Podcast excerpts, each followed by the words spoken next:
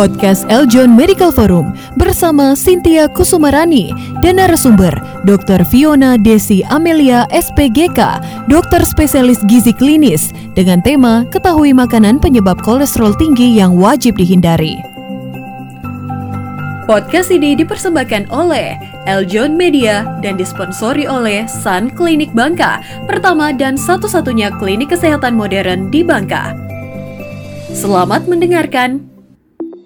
Bagi Anda yang tinggal di Pangkal Pinang, Bangka, Anda mempunyai pusat kesehatan terpadu, terbesar, dan terlengkap yang melayani secara holistik, yaitu Sun Clinic. Sun Clinic melayani pasien BPJS, rujuk balik, pasien umum, asuransi, dan perusahaan-perusahaan swasta. Sun Clinic telah menjadi pelopor pelayanan BPJS kesehatan dan telah menerima banyak penghargaan Service of Excellence. Sun Clinic adalah klinik yang tersertifikasi sistem manajemen mutu ISO 9001 versi 2015 dari Badan Sertifikasi TNV Certification. Sun Clinic melayani konsultasi dokter umum, rujukan dokter spesialis, terapi wicara, audiometri, fisioterapi, tindakan bedah minor, dan sirkumsisi. Dilengkapi dengan laboratorium yang menggunakan sistem LIS untuk mengurangi human error, melayani pemeriksaan hematologi, kimia darah, alergi, pap smear, medical medical check-up, dan home service. Didukung oleh Apotek Xavier yang menyediakan obat-obatan dan alat-alat kesehatan yang lengkap, asli, dan berkualitas dengan harga yang terjangkau. Di saat pandemi ini, Sun Clinic melayani antigen swab untuk keperluan pribadi atau perjalanan baik darat maupun udara. Untuk informasi lebih lanjut, silahkan telepon ke plus 62 717 42 97 888 atau WhatsApp ke plus 62 822 60 375 888. Halo sahabat Eljon, kembali lagi di Eljon Medical Forum bersama saya Cynthia Kusumarani pada hari ini dan tentunya di Eljon Medical Forum kita sudah banyak membahas ya seputar kesehatan, sudah banyak tenaga kesehatan, kemudian juga dokter dan juga dokter spesialis kita undang dengan berbagai macam tema. Nah hari ini spesial sekali kita akan membahas soal kolesterol tinggi, yang di mana kita akan membahas makanannya seperti apa saja yang mengandung kolesterol tinggi dan yang perlu dihindari. Banyak sekali akan kita bahas hari ini karena ini penting sekali ya banyak pengidap kolesterol tinggi yang mungkin tidak tahu yang berkaitan dengan makanan apa yang harus dihindari dan yang sebenarnya boleh aja dikonsumsi. Hari ini sudah ada narasumber kita, dokter spesialis gizi klinis tentunya yang akan membahas soal makan makanan tentang yang mengandung kolesterol. Ada dokter Fiona Desi Amelia, spesialis gizi klinik di sini. Halo, selamat siang dokter Fiona. Selamat siang. Sebenarnya nama saya tuh bukan Fiona Fadil. Saya sebutnya Dokter Fiona ya dok ya. Oke siap. Oke. Baiklah di sini sudah ada narasumber kita Dokter Fiona, spesialis gizi klinis di sini ada Dokter Fiona. Halo, selamat siang Dokter Fiona. Selamat siang Cynthia. Apa kabar dokter? Baik, sehat Alhamdulillah. Baik, oke. Dokter Fiona, hari ini kita bahas soal kolesterol ya dokter ya?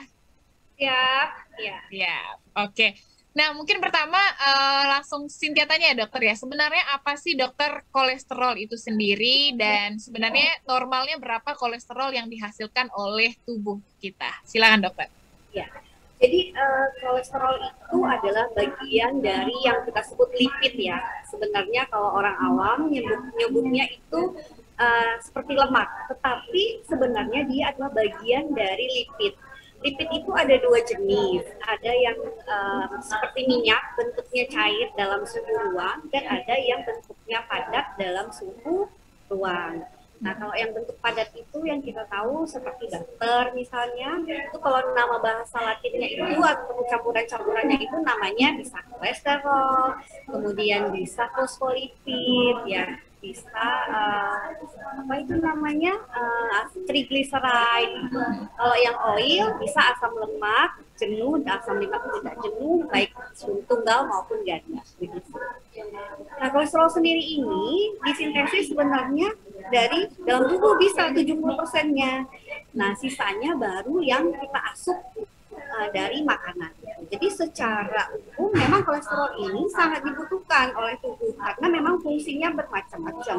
Nggak boleh nggak ada sama sekali karena dia yang pertama sebagai sumber cadangan energi juga, di mana satu gramnya menghasilkan 9 kilokalori. Kemudian dia juga sebagai pembentuk vitamin D, pembentuk hormon-hormon steroid. Jadi juga banyak fungsi yang bagusnya. Gitu. Hmm. Oke, jadi banyak yang mengatakan bahwa kolesterol jahat itu tidak benar ya dokter ya karena masih ada manfaatnya ternyata untuk tubuh. Iya. Nah, sebenarnya memang banyak faktor penyebab terjadinya yang namanya mungkin secara umum dulu ya saya jelaskan ya bahwa kolesterol itu memang ada kolesterol jahat, ada kolesterol baik. Yang kolesterol jahat itu yang orang awam bilang itu adalah yang kita sebut dengan LDL. Nah, itu adalah uh, very low dia ada VLDL, ada LDL, ada HDL. Hmm. Jadi VLDL itu adalah very low density lipoprotein. Itu adalah uh, dia mengangkut fungsinya. Fungsinya kolesterol ini dia mengangkut uh, dari dalam hati menuju ke seluruh tubuh yang butuh. Di mana? Di arteri kah, di pembuluh darah kah, di, di uh, jaringan lemak kah. Jadi disimpan kan setelah kita makan masuk ke usus usus halus makanan itu dipecah-pecah, dipecah-pecah dan sebagainya, kemudian masuk ke dalam hati, dari hati dibawa oleh si uh, lemak jahat ini ke seluruh tubuh. Kalau berlebihan ditumpuk begitu di pembuluh darah, di jaringan adiposa dan sebagainya. Nah, kalau kolesterol baik itu namanya HDL, high density lipoprotein. Jadi kan lipoprotein itu gabungan dari lipid dan protein bila uh, high density lipoprotein ini banyak, dia kolesterol baik. Fungsinya mengangkut yang tadi yang udah tertumpuk di jaringan, diangkut lagi ke hati supaya dibersihkan begitu. Yeah. Jadi kalau orang ingin kehidupannya bagus, harus tinggi HDL-nya, harus kurang LDL-nya begitu. Oke, jadi ada dua ya dokter ya tadi pembagiannya. Jadi harus lebih tinggi HDL-nya dan kurangi tadi LDL-nya agar hidup kita sehat ya, tidak kolesterol tinggi ya dokter ya. Sebenarnya dokter, uh, untuk tanda-tandanya sendiri dokter orang yang menderita kolesterol tinggi itu apa aja dokter biasanya dirasakan? Nah, sebenarnya tanda-tanda itu baru terlihat setelah kita menderita atau kita apa uh, menderita suatu penyakit nih. Misal kolesterol tadi yang banyak tertumpuk di pembuluh darah sehingga menjadi pelan-pelan itu ibaratnya kalau kita analogikan seperti selang ya kan, selang kita nyiram tanaman ada lumut-lumutnya itu, nah itu kolesterol jahatnya atau itu lemaknya yang jenuh itu tertumpuk. Nah, apabila sudah menyumbat pembuluh darah, baru dia memberikan gejala. Tetapi ada sumbatannya tidak mungkin kebas-kebas saja atau, atau nyeri atau kram-kram saja. Tetapi bila sudah menyumbat pembuluh darah jantung bisa mengakibatkan nyeri dada dan bisa stroke juga. Jadi harus ada uh, apa uh, menderita suatu penyakit dulu nih baru terasa bahwa kita menderita kolesterol. Nah jadi tapi sebaiknya bila orang ingin aware nih pencegahannya harus periksakan diri. Syaratnya apa? Jangan berpikir kalau kalau misalnya harus ada harus apa kebas-kebas dulu nih baru harus periksa gitu ya. Tapi harus awarenya satu yang pertama bila berat badan berlebih ya harus segera periksakan. Jangan-jangan nah, lemak-lemak yang tertumpuk di tubuh kita sebagian besarnya juga adalah kolesterol gitu.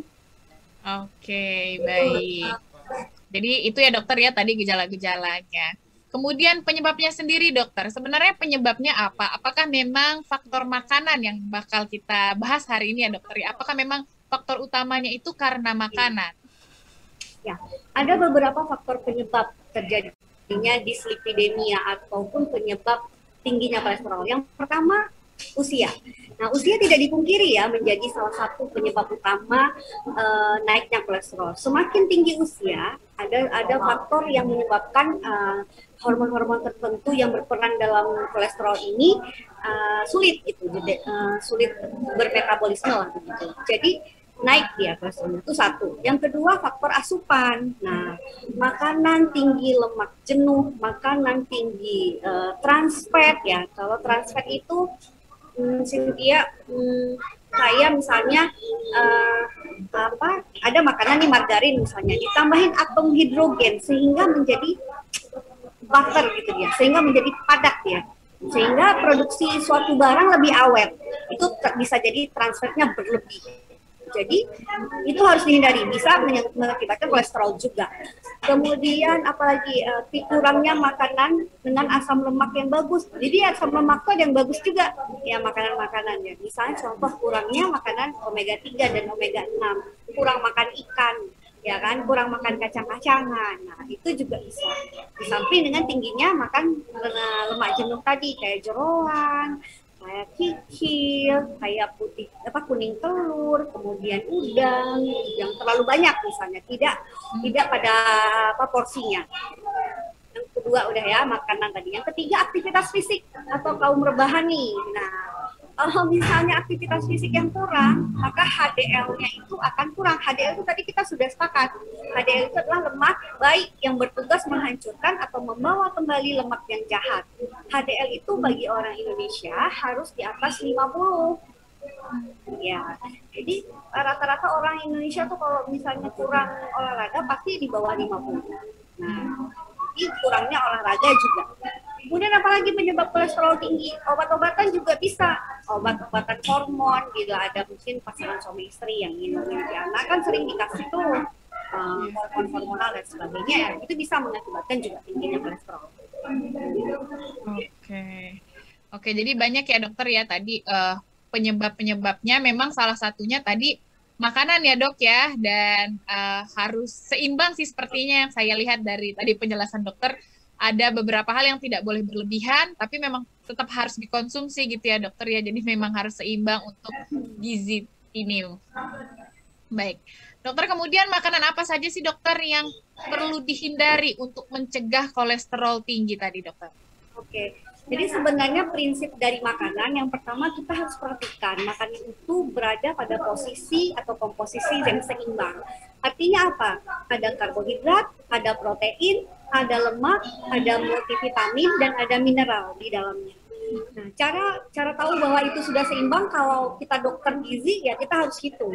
Tetapi bila orang awam itu cukup dengan piringku, isi piringku setengah dari kalau piringku itu bulat ya dibagi dua, setengahnya itu harus berisi sayuran dan buah-buahan. Ya, setengah dari itu. Kemudian setengahnya lagi, dua pertiganya adalah makanan pokok.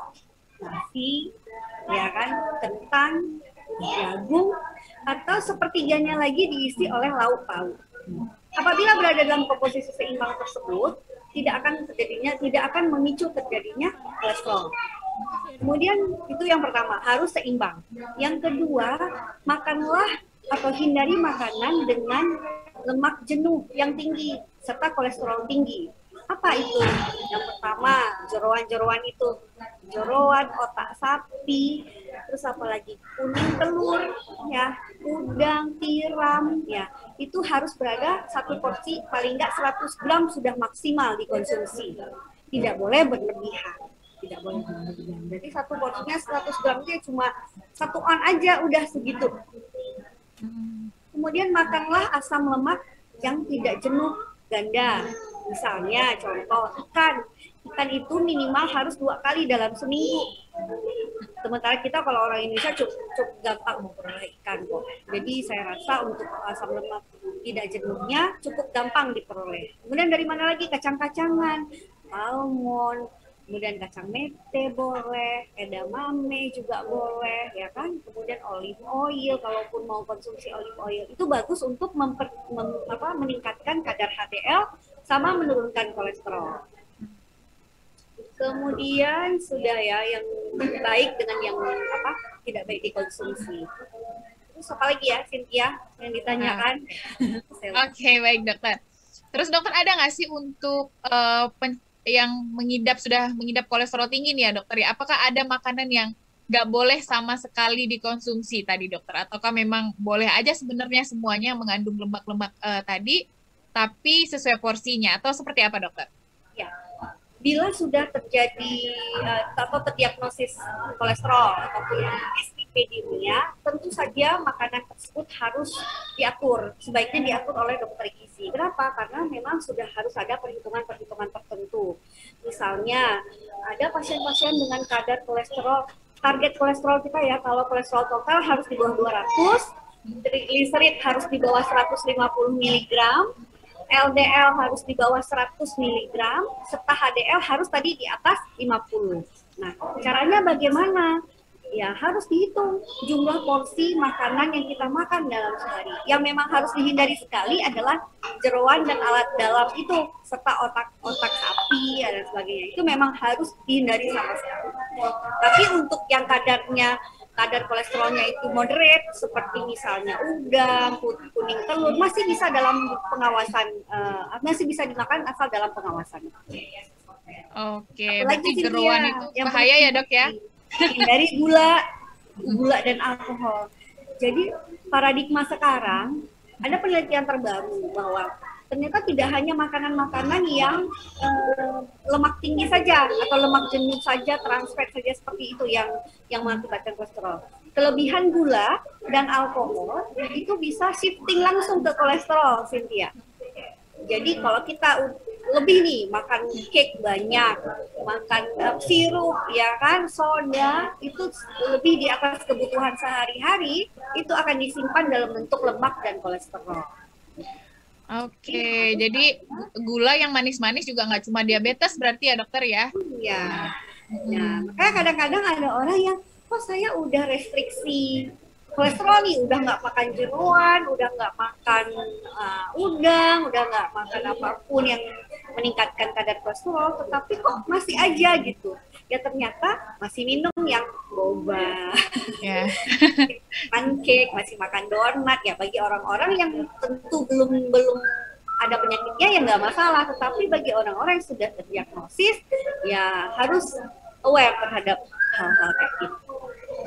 Oke, jadi memang tadi jeruan harus dihindari ya dokter ya, apalagi sekarang jeruan itu kadang-kadang makannya gabung sama santan, soto atau apa ya dok? Jadi udah iya.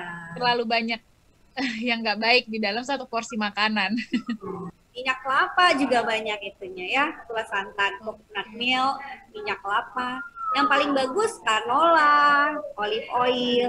Cuma kalau orang-orang Indonesia yang dengan pendapatannya terbatas kita suruh beli canola dan olive oil, rasanya nggak memungkinkan. Caranya bagaimana? Ya belilah minyak kelapa biasa asal tidak digoreng berkali-kali. Gitu. Oke, jadi memang bisa pakai minyak kelapa biasa ya dokter ya, tapi jangan sampai berkali-kali nah, tadi. Nah, ya. Kalau kita beli gorengan di abang-abang ya semakin hmm. hitam, semakin gurih ya. Karena yang sifatnya seperti itu. Semakin jenuh suatu minyak, ya, semakin gurih ya. Semakin uh, gurih dan semakin tastinya tuh semakin dapat. Karena otak itu uh, baru enak, baru ngeh gurih nih kalau ada lemak, kalau ada gula. Betul. Iya betul. Jadi sulit ya dokter ya untuk sih, berat kayaknya berat badannya terkontrol ya. Untuk sekarang sih dokter masih nggak tahu nanti kalau misalnya mengkonsumsi yang tadi dokter bilang tapi jangan sampai ya dok ya, ya. karena kaitannya dengan kesehatan juga. Oke, jadi dokter kalau misalnya untuk mengatasi kolesterol tinggi ini gimana dokter untuk pengidap uh, yang sudah mengidap kolesterol tinggi tadi dokter? Ya gimana? Oke. Okay. Jadi gimana sih dokter untuk mengatasi uh, kolesterol tinggi ini bagi yang sudah mengidap yang sudah lama ya dokter ya? Gimana kira-kira dokter? Selain asupan, selain asupan tadi yang kita bilang harus porsi gizi seimbang, kemudian hindari asam lemak jenuh, hindari uh, trans fat yang ada di dalam kue-kue dan tepung terigu serta donat-donat dan sebagainya, cake-cake. Kemudian jangan lupa beraktivitas fisik. Iya, aktivitas fisik yang seperti apa? Aktivitas fisik bagi penderita kolesterol itu tidak perlu aktivitas fisik yang berat ya. Cuma hanya perlu aktivitas fisik yang ringan sedang, seperti misalnya berjalan, atau jalan cepat aja, atau sepeda statis, atau treadmill, 30 menit sehari aja sudah memberikan hasil yang bagus. Jadi tidak perlu sampai harus maraton 40 km sepeda gitu ya. ya. Itu malah bisa memberikan efek yang buruk bagi kardionya atau bagi jantungnya. Hmm. Oke, okay, baik. Gula terlalu tinggi ya harus disertai dengan obat-obatan.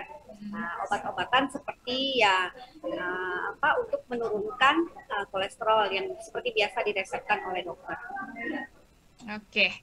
Kemudian dokter uh, untuk tips memasak nih dokter ya. Biasanya mungkin penderita kolesterol jadi uh, mau masak sendiri aja menunya di rumah takut untuk membeli dan lain-lain. Nah ada nggak sih dokter tips memasak nih untuk penderita kolesterol? Apa sih yang perlu dihindari? Mungkin minyak-minyaknya yang tadi dokter bilang silakan ya. yang pertama hindari yang namanya tadi kan uh, kalau tidak mampu membeli olive oil dan canola boleh pakai coconut oil asal tidak digoreng berkali-kali gitu ya yang sehingga titik jenuhnya juga tidak terlalu tinggi walaupun dia jenuh nih si minyak kelapa ini jenuh. Kemudian yang kedua uh, hindari santan, ganti dengan fiber cream. Ya, ganti dengan fiber cream. Fiber cream itu lebih healthy, tidak juga mengandung santan yang dari kelapa, jadi tidak jenuh. Kemudian yang ketiga, jangan pikir margarin itu sehat ya. ganti-ganti lah ini semua-semuanya minyak dengan margarin. Kalau mau ganti dengan olive oil atau canola. Ya, kalau mau ganti, tapi jangan diganti dengan margarin karena margarin itu trans fat ujung-ujungnya. Memang saya lucu juga nih ngeliat iklannya nih Cynthia ya. bahwa uh, margarin no kolesterol. Ya memang nabati tidak akan pernah menghasilkan kolesterol tumbuhan tidak akan pernah menghasilkan kolesterol. Jumlahnya sedikit sekali gitu. Apa ya? Kolesterol itu disintesis dari produk hewan. Ya, nggak ada tuh yang namanya kolesterol disintesis dari produk. Jadi kalau ada iklan ya kan, margarin ya no, no kolesterol ya memang dia akan no kolesterol. Yang membuat dia kolesterol apa? Trans fatnya. Begitu minyak yang dari tumbuhan itu dijadikan trans fat, ya ditambah sesuatu bahan ke situ jadi bentuknya padat, dia akan jadi trans fat. Trans fat itulah yang berbahaya, yang menumpuk dia di jantung, udahlah jadi serangan jantung dan sebagainya kalau sudah bertumpuk banyak. Jadi jangan diganti dengan margarin. Ya. Kemudian apalagi ya, olive oil misalnya. Misalnya nih orang-orang mengenal atas beli olive olive oil ya itu uh, jangan dipanaskan, jangan di seperti uh, makan apa tumis minyak biasa karena efeknya akan hilang. Ya, hmm. jadi dia di dressing cukup bagus. Hmm. Kalau dia dipanaskan, dia akan sama dengan minyak coconut oil nanti. Efek olive oilnya tidak lagi didapat. Hmm. Apalagi ya uh, untuk tips memasak ya udah uh, itu aja sih untuk menghindari uh, apa uh, ininya. Dari segi jumlah juga harus diperhatikan sebenarnya. Jangan terlalu banyak. Oke, berarti mungkin uh, yang paling aman mungkin nggak usah goreng-goreng kali dokter ya, iya, kalau bisa.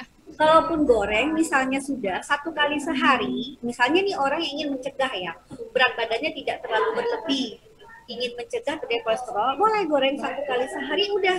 Yang lainnya sisanya jatah minyaknya habis hari itu. Ya bisa dibakar, bisa dipepes dan sebagainya. Tapi bila, bila orangnya memang sudah overweight, obesitas sentral, obesitas grade 1, grade 2, dan gemuk banget, itu sebenarnya harus diatur makanya supaya berat badannya bisa turun. Hmm. Oke, okay, baik. Oke, terima kasih Dokter Fiona. Kita lanjutkan lagi nanti di segmen kedua. Baiklah sahabat Eljon, tadi uh, saya dan juga Dokter Viana, spesialis gizi klinis sudah membahas banyak ya soal kolesterol. Tadi ada makanan berbagai macam yang harus dihindari, terus juga eh, fakta-fakta yang baru kita ketahui ternyata gula juga akhirnya bisa menyebabkan kolesterol ya. Jadi hati-hati uh, banyak yang tadi sudah disampaikan oleh Dokter Fiona. Tapi nanti kita lanjutkan lagi, jangan ke mana-mana, tetap di Eljon Medical Forum.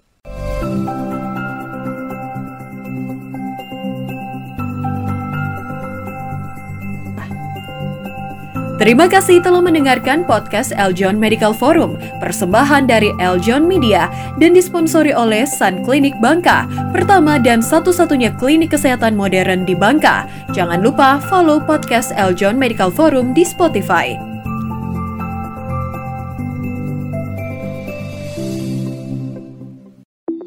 Bagi Anda yang tinggal di Pangkal Pinang, Bangka, Anda mempunyai pusat kesehatan terpadu, terbesar, dan terlengkap yang melayani secara holistik, yaitu Sun Clinic. Sun Clinic melayani pasien BPJS, rujuk balik, pasien umum, asuransi, dan perusahaan-perusahaan swasta. Sun Clinic telah menjadi pelopor pelayanan BPJS Kesehatan dan telah menerima banyak penghargaan Service of Excellence. Sun Clinic adalah klinik yang tersertifikasi sistem manajemen mutu ISO 9001 versi 2015 dari Badan Sertifikasi TNV Certification. Sun Clinic melayani konsultasi dokter umum, rujukan dokter spesialis, terapi wicara, audiometri, fisioterapi, tindakan bedah minor, dan sirkumsisi. Dilengkapi dengan laboratorium yang menggunakan sistem LIS untuk mengurangi human error, melayani pemeriksaan hematologi, kimia darah, alergi, pap smear, medical check-up, dan home service. Didukung oleh Apotek Xavier yang menyediakan obat-obatan dan alat-alat kesehatan yang lengkap, asli, dan berkualitas dengan harga yang terjangkau. Di saat pandemi ini, Sun Clinic melayani antigen swab untuk keperluan pribadi atau perjalanan baik darat maupun udara. Untuk informasi lebih lanjut, silahkan telepon ke plus 62 717 42 97 888 atau WhatsApp ke plus 62 822 60 375 888.